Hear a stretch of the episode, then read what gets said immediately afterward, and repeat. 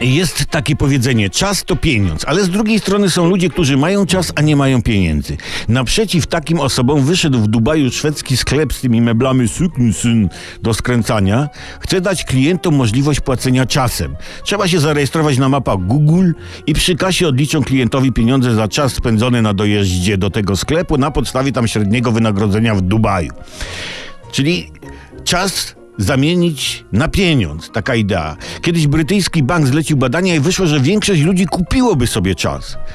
Pewnie od tych, którzy mają nadmiar czasu. Dzień dobry, poproszę dwie godziny e, ten. Na miejscu? Nie, nie, zapakować z rodziną. Zauważmy, że na świecie jest więcej czasu niż pieniędzy. Jest nas na Ziemi niecałe 8 miliardów. Każdy ma 24 godziny dziennie, czyli wszyscy ludzie na świecie mają jakieś 160 miliardów godzin czasu dziennie. A ile to minut? To jest potężny rynek. Czas stanie się wkrótce obiektem handlu i ktoś, kto ma głowę na karku, może zyskać na czasie. Już widzę takie ogłoszenia. Mam czas, poszukuję poważnych pa- partnerów z kwestią. Albo mam czas, dokupię rychło w dobrym stanie. Może do banku będzie można oddać czas, tam wpłacasz 30 minut, a po roku będziesz miał na koncie 45 minut. Tylko tu uważałbym z braniem czasu na kredyt.